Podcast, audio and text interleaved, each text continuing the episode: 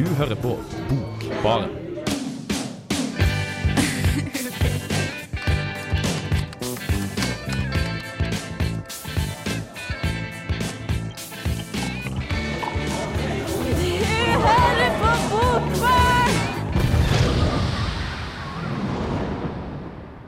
Hei og velkommen til Bokbaren. I dag skal vi preke om rosa bøk, eventuelt feministisk litteratur. De er rosa, veldig mange. Og skal bl.a. innom den omdiskuterte våtmarksområder til Charlotte Roch, og skal få et intervju med Jørgen Lorentzen. Eh, I dag så har jeg med meg Martin Ingebrigtsen som malvegg, og jeg er i dag vikar for eh, Mathias Samuelsen, som eh, nok en gang er og danser. Rett etterpå så får vi en gjest i studio, Gunnar Hjertås, Gunhild Hjertås, som skal lese Rotmo for oss. Men først så skal vi høre Good Times, Bad Times med Led Zeppelin.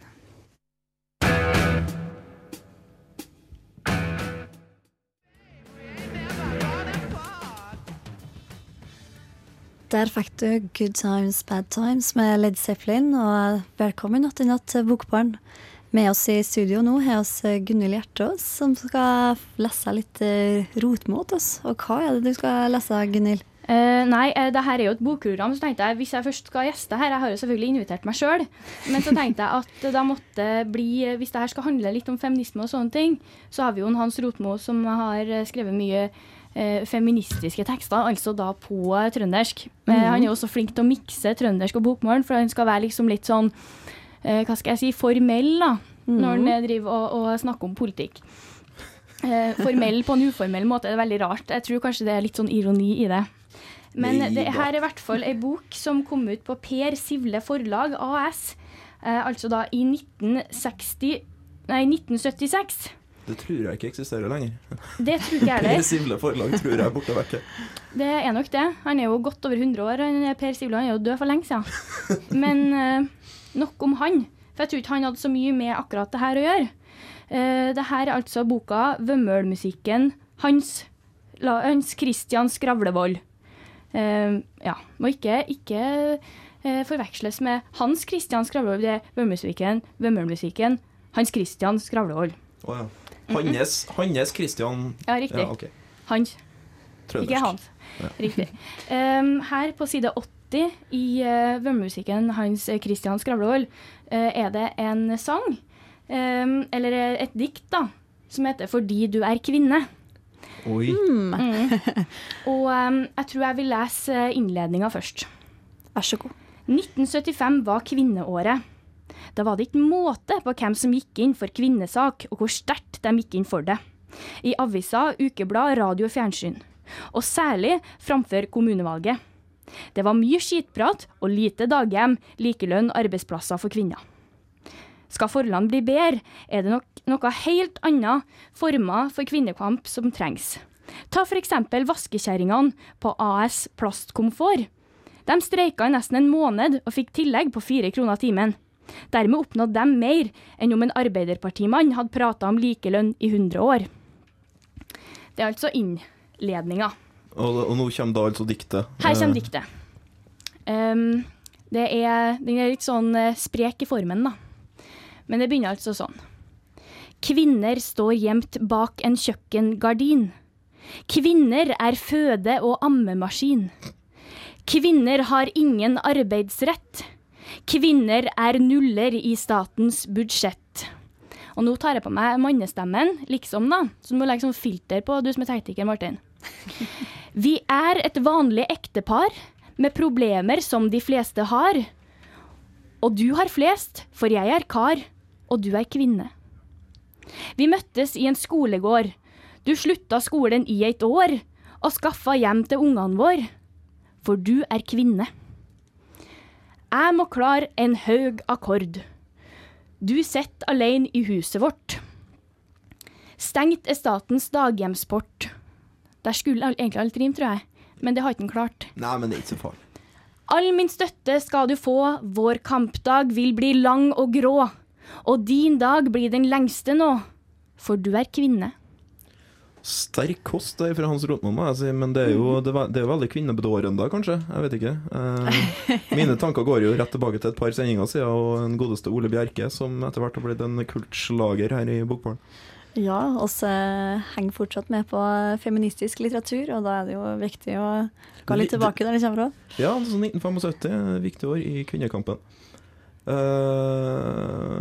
vi skal vel bevege, bevege oss videre fra, fra Hans Rotmo og over på låt. Hva er det vi skal høre nå? Nå skal vi høre French Navy med Camera Obscura.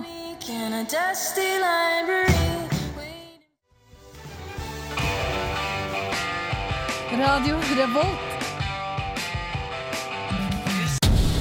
Ukas bok. Pål Potts Mil av Peter Frøberg Idling har i utgangspunktet et ganske besnærende konsept. Det er en bok som i hovedsak tematiserer Røde Khmers eh, forbrytelser i Kambodsja under deres regjeringstid på 70-tallet. Unektelig et fascinerende tema for alle som har en fascinasjon for de mer grusomme periodene i nyere politisk historie. Det er jo det som er aktuelt. Først nå, i våre dager, stilles Røde Khmers ledere til ansvar for sine handlinger i krigsforbryterdomstolen. Frøberg Gidling har dessuten en veldig interessant vinkling på fortellinga si. En stund etter revolusjonen reiste en gruppe med fire 70-tallsradiser fra Sverige, anført av forfatteren Jan Myrdal, inn i Røde Khmers Kambodsja. De kom tilbake med en rapport om landets fortreffelige resultater innenfor forbedring av levekår og utføring av den kommunistiske ideologi. De var i det hele tatt svært entusiastiske over det de hadde sett, på tross av at det rundt dem foregikk et av de største folkemordene på denne sida av verdenskrigen. Frøberg Idlin bruker de her folkene som en inngangsportal til å skildre naiviteten som prega den radikale venstresidas støtte til undertrykte asiatiske land. Hvordan det hele var en febrilsk søken på idealer i en verden som var prega av amerikansk imperialisme. I utgangspunktet synes jeg, som sagt, at prosjektet virker veldig friskt. Men det finnes et problem i utførelsen. Det mest markante grepet forfatteren gjør, er å nummerere avsnittene sine. Det her er i seg sjøl ikke merkelig. Det er et grep som ofte brukes i et essay bestående av fragmenterte bestanddeler, for å holde oversikt gjennom å- skille avsnittene klart fra hverandre, og markere at når vi hopper til et nytt avsnitt nå, så skal vi snakke om noe helt annet. I seg sjøl er det som sagt ikke et problem, så lenge det blir utført med nennsomhet. Frøberg Idling vil nemlig veldig mye med boka si. Han vil fortelle om Røde Khmer, han vil snakke om svensk 70-tallsnaivisme, og han vil snakke om sine egne inntrykk, både som nåtidig reisende i Kambodsja og som student av grusomhetene utført under Pol Potts regime. Dessuten er det hele tjåka fullt av minibiografier av alle involverte, og små litterære grep han bruker for å skildre følelsene som oppstår i møte med den blodige historien. Jeg skjønner hvor han vil, det er et gigantisk tema. Kanskje for stort for ei bok på i underkant av 350 sider, med stor skrift. Problemet er at det blir litt rotete. Aldri helt fokusert inn mot noe spesifikt. Det oppleves dessverre som litt overfladisk, siden man ikke får konsentrert seg om én ting av gangen, da man hele tida skal haste videre til noe nytt. Boka virker rett og slett litt uferdig. Likevel vil jeg si at tematikken gjør den lesbar. Det er en fullstendig kurant innledning til hva Røde Khmer egentlig gjorde og sto for, og historien har et behagelig relieff i utlegginga om den svenske ekspedisjonen. Som informasjon fungerer boka, men som litteratur blir den litt påtatt. Så det her er noe du kan bryne deg på hvis du ønsker å vite mer om Kambodsjas historie. Det er svært interessant hvis du klarer å se forbi det nyjournalistiske rotet Frøberg Idlin av en eller annen rar grunn har forsøkt å smette inn innimellom. Bokbarn. Bokbarn. Bokbarn. Bokbarn. Bokbarn. your face when sleeping. Hallo og velkommen natt i natt til Bokbarn. Der fikk du Lou Reed. Og i dag så preker vi om feministisk litteratur. Blant annet. Ja. Ja. Martin har skrevet en eh, artikkel, og aller først så vil jeg introdusere den med å lese litt. Vi har egentlig aldri hatt noe voldtektsdebatt. Derimot så har vi debattert mange andre ting, så politiets etterforskning, korte skjørt og alkoholforbruk. Hvordan voldtekt oppleves for offeret, den fenomenologiske sida av voldtekten, det snakkes derimot ikke om. Ja, det der var noe en eh, relativt profilert norsk feminist som heter Hanna Helseth. Uh, hun sa det i Klassekampen uh, i januar i år i forbindelse med, med den norske utgivelsen av en bok som heter 'Voldtekt og romantikk', som er skrevet av ei dame som heter Katrine Kjølos. Mm. Um, og, den, uh, og det sitatet introduserer den boka på en veldig fin måte. Det er en bok som forsøker å komme til bunns i voldtektsbegrepet, hva det betyr for samfunnet. Uh, altså, skrev, det ble jo så vidt nevnt forrige sending at jeg skrev en artikkel om det her for, eh, for uh, den nye utgaven av RIS. Og det står veldig utførlig, men pga. tematikken til dagens sending så er det vel bare på sin plass at vi snakker litt om den, for det er veldig mye spennende som foregår i den boka. altså. Mm. Og denne her jeg, jeg tror jeg hver dag skal kalle det bok. For den er litt uh, merkelig oppdelt. Jeg velger å kalle det et essay. Uh, det er litt greia. Altså, for, altså, det, det- er vanskelig å gi en fullverdig presentasjon av hva, hva boka faktisk er, når man skal sitte her for en mikrofon og, og fortelle. Uh, det som er verdt å merke seg, er at det er en bok som prøver å snakke om voldtekt. Uh, prøve å finne ut hva det betyr, og hva det faktisk er for noe. Og at den gjør det her i eh, to spesielle altså narrative former. Det er en eseistisk utgreining som, eh, hvor eh, forfatter Katrine Kjelos snakker om feminisme i Sverige i dag. Om, om den teoretiske historien til radikal feminisme og liberal feminisme. Til en viss grad avføyer dem som irrelevant i dagens samfunnsproblematikk rundt voldtektsdebatten. Uh, og så er det et andre element, som er en skjønnlitterær fortelling om et seksuelt overgrep. Altså ei, ei ung dame som blir voldtatt når hun er på byen.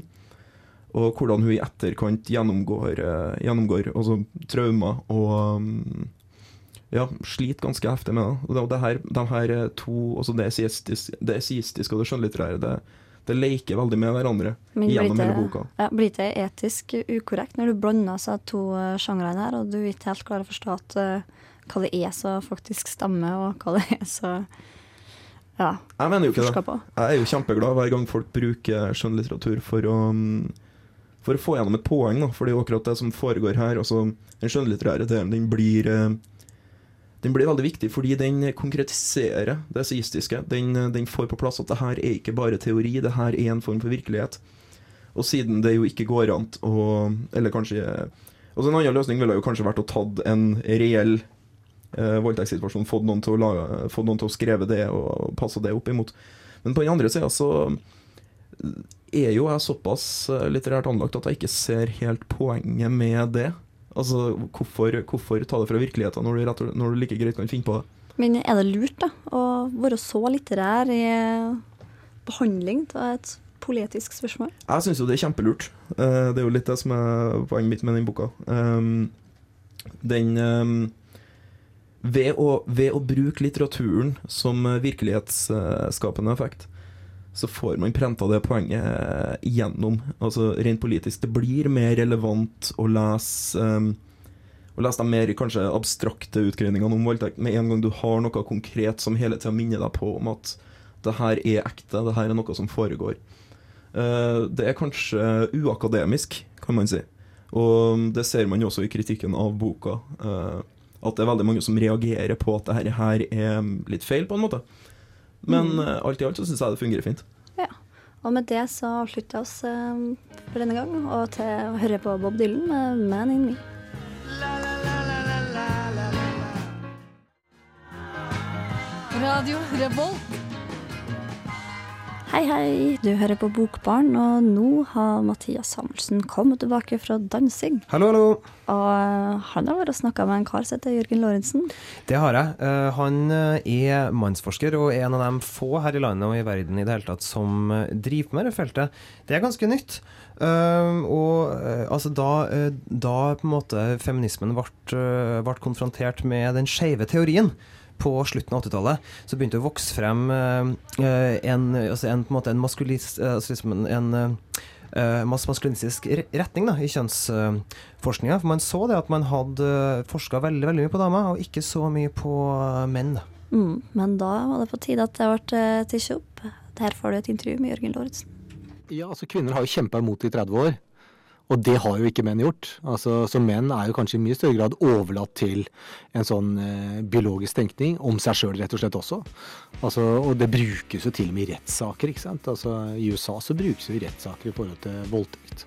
Altså menns eh, hormonelle situasjon og eh, jeger, gamle jegersamfunn og altså disse argumentene, evolusjonspregede argumentene, brukes jo rett og slett om og Det er jo, det er rett og slett skammelig, og det kan, vi- det kan vi ikke tillate på noen som helst måte. Jørgen Lorentzen er forsker ved Senteret for tverrfaglig kjønnsforskning og forfatter av én av to norske bøker om mannsrollen. Han er buddhaen av norsk maskulinitetsforskning, og når han hevder at mannsrollen er i krise, er det ikke umulig at han har rett. Ja, altså jeg bruker jo krisebegrepet som en, eh, altså en litt større kulturell betegnelse. Altså pynteverden er på en måte en kvinnelig verden.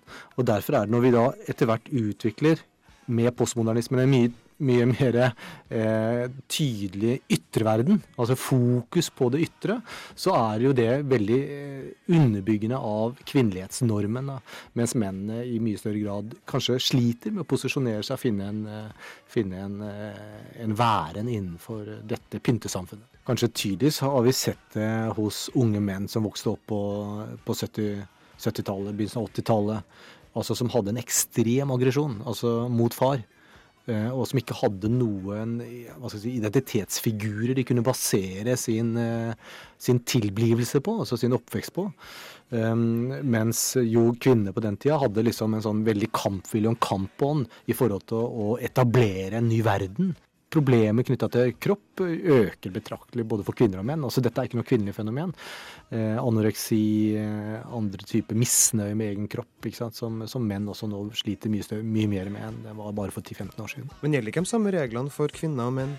Hvordan har kvinnekampen og kjønnsforskninga de siste 30 årene påvirka menns atferd i det norske samfunnet, og hvordan snakkes det om menn i kulturen og i media? Altså Det er to diskurser som ofte er ute og går i samfunnet, som er veldig lett å falle ned i.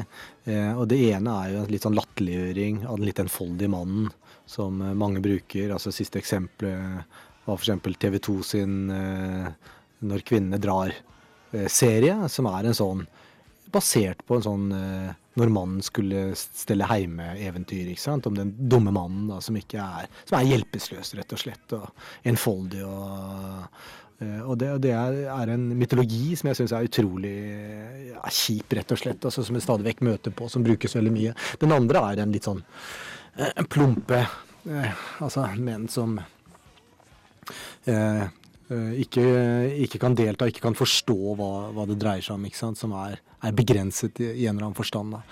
Eh, og, og jeg tror det er utrolig viktig at menn eh, er mye mer aktive i å å delta i disse diskusjonene og prøve å sette noen av premissene for dem. eh, og problematisere hele forståelsen av kjønn. Eh, og ikke la altså de dumme, enfoldiggjørende stemmene eh, få lov til å dominere den offentlige utsagnet liksom, om hvem menn er og hva menn er. Og der savner jeg kanskje av og til litt sånn uh, utrop fra, eller eh, posisjonering, eller eh, reaksjon, respons fra unge menn. Rett og slett. For jeg vet eh, gjennom eh, undervisning og kontakt med unge menn på, på universitetet sant? at de irriterer seg noe jævlig, rett og slett, over den måten som menn ofte omtales på i, eh, i offentligheten eller i media. Vi trenger menn inn i mannsforskningen, rett og slett. Er det klart at eh, forskning på menn eh, med et kjønnsperspektiv eh, vil ikke være vesensforskjellig i forhold til forskning på kvinner med et kjønnsperspektiv. Åpne opp hele det feministiske feltet til et mye mer spennende, syns jeg, da, mye mer spennende forskningsfelt. Samtidig mer mangfoldig, men også etter hvert kanskje i stand til å møte biologisk forskning på en ny måte, nettopp fordi biologisk teori og metode er blitt mye mer avansert enn hva den var for kort tid siden. Men nok om vitenskapen. Hvordan er den norske samtidslitteraturen om mannlig kjønnsliv? Kan forfattere som Lars Ramsli og Carl Sjode Tiller hjelpe til med å sette ting på plass? Har kunsten et potensial til å løse noe i denne krisen? Det, altså, det er helt klart at det, det, det finnes en god del interessante ting som foregår i ny norsk litteratur, hvor man kan hente elementer til denne dekonstruksjonen eller nyvurderingen av den mannlige seksualiteten. Hvor dette er to uh, veldig interessante forfattere. Tiller med en sånn utrolig inngang til voldsmannens uh, psykologi, da, kan du si. Og Ramsli med en eh, jækla spennende eh, forsøk på å leke med, og til dels dekonstruere eh, mannlig seksualitet også. Altså det er eh, publisert og trykket og utgitt tonnevis av bøker om eh, kvinnelig kropp og kvinnelig seksualitet. og eh, mens jeg har lest svært lite, fordi det finnes faktisk svært lite tilgjengelig materiale som problematiserer, diskuterer eh, og løfter fram at eh, den mannlige kroppen og seksualiteten også har eh, alle disse aspektene og mangfoldigheten og spenningene i seg som er veldig spennende. Mange tror at den mannlige seksualiteten er svært enkel. Det er et veldig enkelt begjær. Et konstant pågående enkelt begjær, ikke sant. Eh, som, eh, som er retta mot alle og enhver. Eh, I en sånn monolittisk, eh, fallosentrisk tenkning, rett og slett. Og den må dekonstrueres.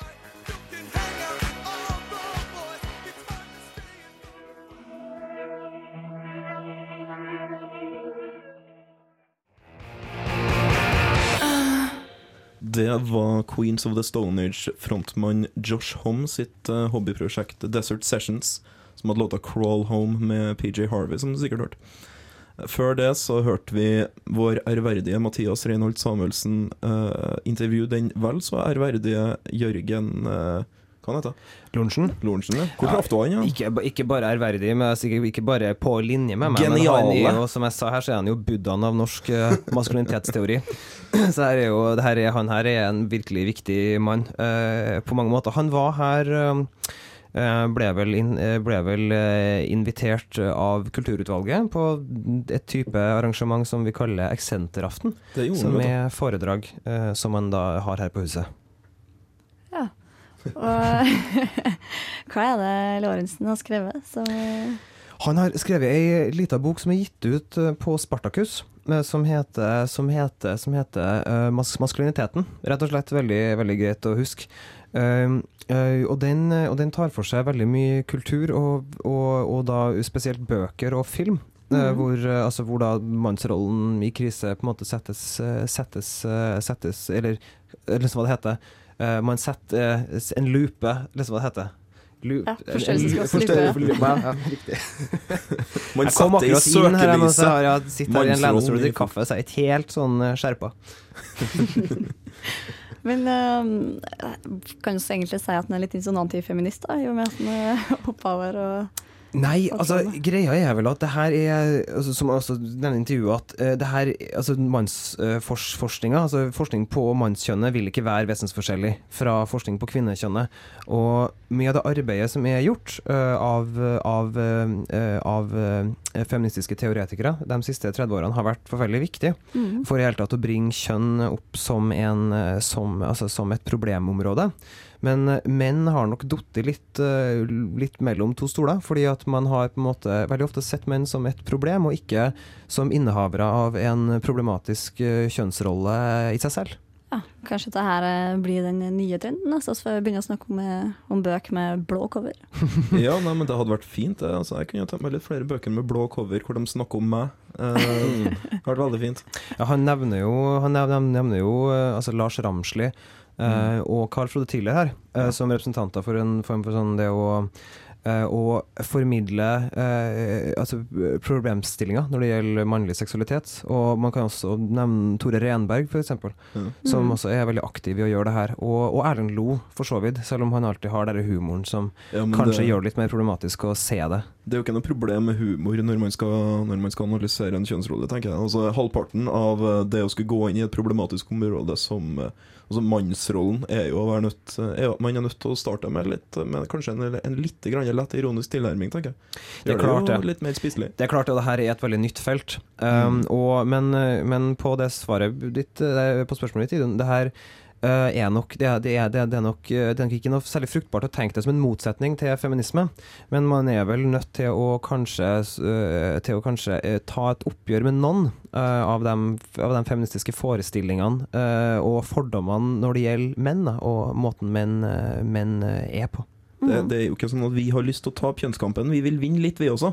Det, Ja, det blir jo liksom samme tematikken som uh, Gunhild la så ut på i stad. alle skal vinne kjønnskampen. Det er det som er viktig å tenke på. Altså, kjønnskampen er en kamp hvor det ikke skal finnes noen tapere, OK? Ok. Ja, med det så eh, tror jeg vi hører litt på Bob Hund med verdens beste dårlige låt.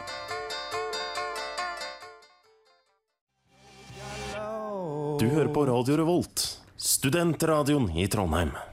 Der fikk du verdens beste dårlige låt med Bob Hund, som for øvrig spiller på Samfunnet i morgen kveld. Og i Bokbarn i dag så preker vi om eh, feministisk litteratur.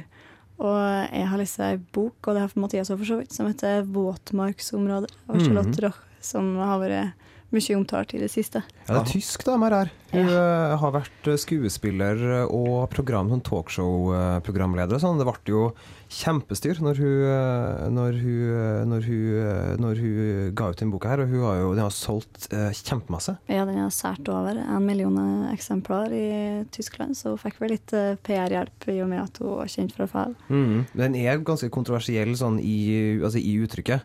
Det er jo ikke en bok man, det er jo ikke en bok man på en måte gir, gir mor. Eh, sånn sett.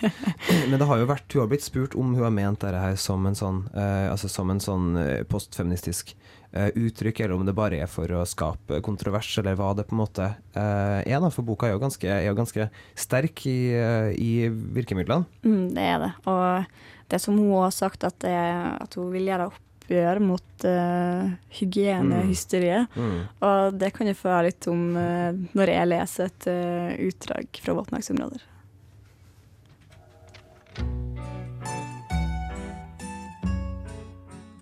Dermed vier jeg meg til mitt eget levende fittehygieneeksperiment. Jeg tykker det er dritgutt. Ikke bare å plante meg solid ned på enhver møkkete dassreng jeg måtte komme over. Jeg gnur den òg kunstferdig inn med fitta mi før jeg setter meg på en roterende hoftebevegelse, så jeg dekker hele doringen. Når jeg setter fitta mi ned på doringen, gir den fra seg en sånn herlig svuppende lyd, og alle fremmede skamhår dropper, flekker og pytter av enhver farge og konsistens blir da søgget opp av fitta mi.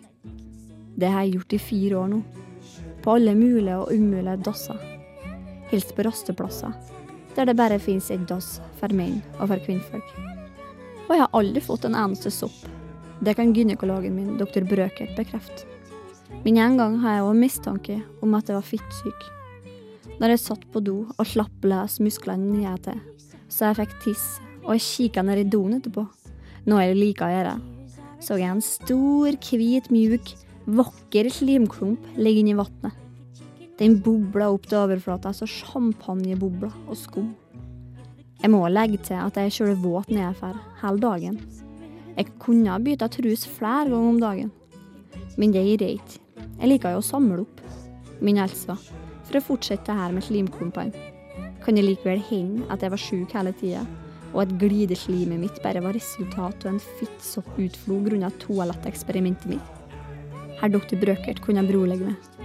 Det dreier seg om en sunn, kjøleaktiv slimhudbesliming. Han uttrykte ikke akkurat slik, men jeg var slik ment. Jeg dyrka kjøle titt omgang med kroppssikkerhetene mine. Med kroppssikkerheten min. Når saken med fittlimet gjorde meg eksempel allvegg kjølig stolt vær når jeg klina med guttunger. Ikke før jeg var fingeren kommet ned til skamleppene, så var de rett inn på vaskelia. En venn av meg sang allvegg By the Rivers of Babylon når vi drev på med pitting. Nå kunne jeg gjort butikk ut av det. Fylte over i små porsjonspakker og sært til tære kvinnfolk som har problemer med slimdannelsen. Det må da være likere å bruke ekte kvinneslim enn et helt annet kunstig glidemiddel. Da lukter det jo fitt òg. Kanskje det bare er kvinnfolk som du kjenner, så ville jeg gjort det. Kanskje fremmede kvinnfolk syns det er ekkelt med fremmed slim. En kunne ha prøve det ut. Med ei tørr venninne, kanskje. Radio Revolt på FM 97,9. Der fikk du et uh, lite utdrag av våtmarksområder av uh, Charlotte Roch. Kraftige saker. voldsomt. ja. Nei, Den er jo litt voldsom, men altså, jeg syns uh, hun der, Alle de her heslige tingene i en boka her er jo bare ting hun gjør mot seg sjøl. Nei, det er ikke bare mot seg sjøl. okay, da. Skader jo ingen. Ja, da, nei, men, nei, men jeg vet at det er, vi er, hun, hun, hun driver og sprer litt bakterier for, for moro skyld, men, men det her er på en måte altså, jeg, jeg, jeg, jeg, jeg må si at jeg syns det her er veldig fascinerende. da Uh, og på en sånn, altså hun, Det virker jo som hun har et sånt form for sånn biologiseringsprosjekt da, med kroppen sin. Altså det her med å ikke vaske seg og alt sånt her. Hun driver jo også og putter Hun driver og dyrker avokadotrær. Og så driver hun og putter disse kjernene uh, oppi seg uh, for, å, for å kunne på en måte føde dem igjen, og så plante dem. da. Og det, jeg synes det, er- det er sånn Jeg, jeg ser eh, måte hva hun mener. Nei, nei, nei. Men det er noen steder i boka her som er virkelig gode, altså. Men jeg, jeg har litt samme klagen igjen da, som jeg har hele tida, med det her at det er noen situasjoner som burde ha vært bygd veldig ut. For man sitter jo og venter på at man skal forklare hvorfor hun er sånn her, hun jenta. Mm. Og så forklarer hun at, at, hun, at da hun var liten, så kom hun hjem fra skolen en dag og fant mora og broren liggende på gulvet og med gassovnen på. Mm. Ikke sant? Og Det- hun hadde ikke da fått vært med på dette selvmordsforsøket. Det er det som plaga egentlig mest. Da. Men også det her med at mora har klippet av henne eh, øyenvippene Mm. på et tidspunkt fordi at hun tror da at eh, mora var, uh, var misunnelig på for Mhm. flere øyenvippene. Så det er ganske sånn kraftige ting her, altså. Ja, det det. Men altså man, man- altså, man må jo være ganske god som forfatter hvis man skal liksom dra hele familien begikk selvmord over til Nå skal jeg slutte å vaske meg. Altså, det kan, men altså, man kan jo tenke det sånn at kanskje den her fraværet av en, av en, av en grei, grei forklaring er en del av det som skaper kontroversen òg. Ja, det er jo mora som har sagt det at uh, musehygiene, det var meget viktig da, og var ekstremt fokusert på at det skulle være rent hele tida. Men uh, mannetidshygiene, det Ja, fikk de aldri høre noe om. Men det er litt det her som er på en måte litt av fokuset i boka òg, syns jeg. Un under alt det her. Og det er kanskje der de overdrivelsene fungerer best. da At vi hadde har dratt den så langt. Men du ble jo nesten fysisk dårlig av det. Jeg, ble, jeg har jo lest en del anmeldelser, og det var derfor jeg bestilte det. For det her var interessant, tenkte jeg. Men så satt jeg faktisk på forelesning og åt i Ja, en pause, og bare kjente at oi, jeg tror jeg et etterpå. Eh, det var litt på grensen til tider. Men det er jo det som er så bra, at du faktisk får til å sjokkere og lage slik kvalme, rett og slett. At det blir Mm, dårlig. Det er ikke mm, ofte en opplever. Altså. Ja, hun har vært, det, er det er ikke en dårlig skrevet bok, altså. Og det er gode situasjoner. Den er verdt å lese, men det er kanskje noe man bør, øh, bør ikke for sarte sjeler. her. Nei. Det er ikke noe man gir bort i gave. Nei, nei, nei, Altså, nei, hvis, du, hvis, du, hvis du skal lese den, så, og hvis du vil ha andre til å lese den, foreslå den, ikke kjøp den til dem. Ja. Men uh, nå tror jeg vi uh, hører Geraldine av Glass Vegas og spiller på Svartlamoen om torsdag.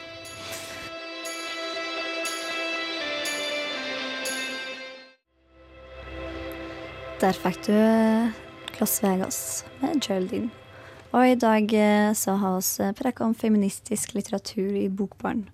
Og om du har lyst til å eh, lese artikkelen som Martin har skrevet, så har vi preka om eh, tidligere i dag om eh, Katrine Kjelos eh, voldtekt og romantikk, så spreng og kjøp eh, Riss Kjøp ris, på Dragvoll. for eksempel. og så preka litt om eh, Jørgen Nonsen? Ja, Ja. Maskulinitetsforsker Jørgen Lorentzen. Han er viktig å ha med han vet i en feministsending. ja, det er og attåt så har jeg spreka om Charlotte Roch sin eh, våtmarksområder og fått en liten smakebit om eh, hva vi tusjer om den. og anbefaler å lese den om, eh, om det ikke er så sart så det er. Om du ikke planlegger å spise. Ja. Um, tema for neste sending det kan du gå på Facebook-siden vår og finne ut etter hvert. Og med meg i studio i dag så har jeg hatt eh, Martin Ingebrigtsen Ha og det bra. Mathias Samuelsen. Så ses oss forhåpentligvis neste tirsdag klokka sju, og reprisen går som vanlig på onsdager. Bare husk på fort å si at Martin Larsen har vært tekniker. Det må vi gjøre Og så har Gunhild eh, stukket innom en tur og prata litt. om Hans Ro. Da prekes oss neste tirsdag. Ha det bra. You go strolling through the crowd.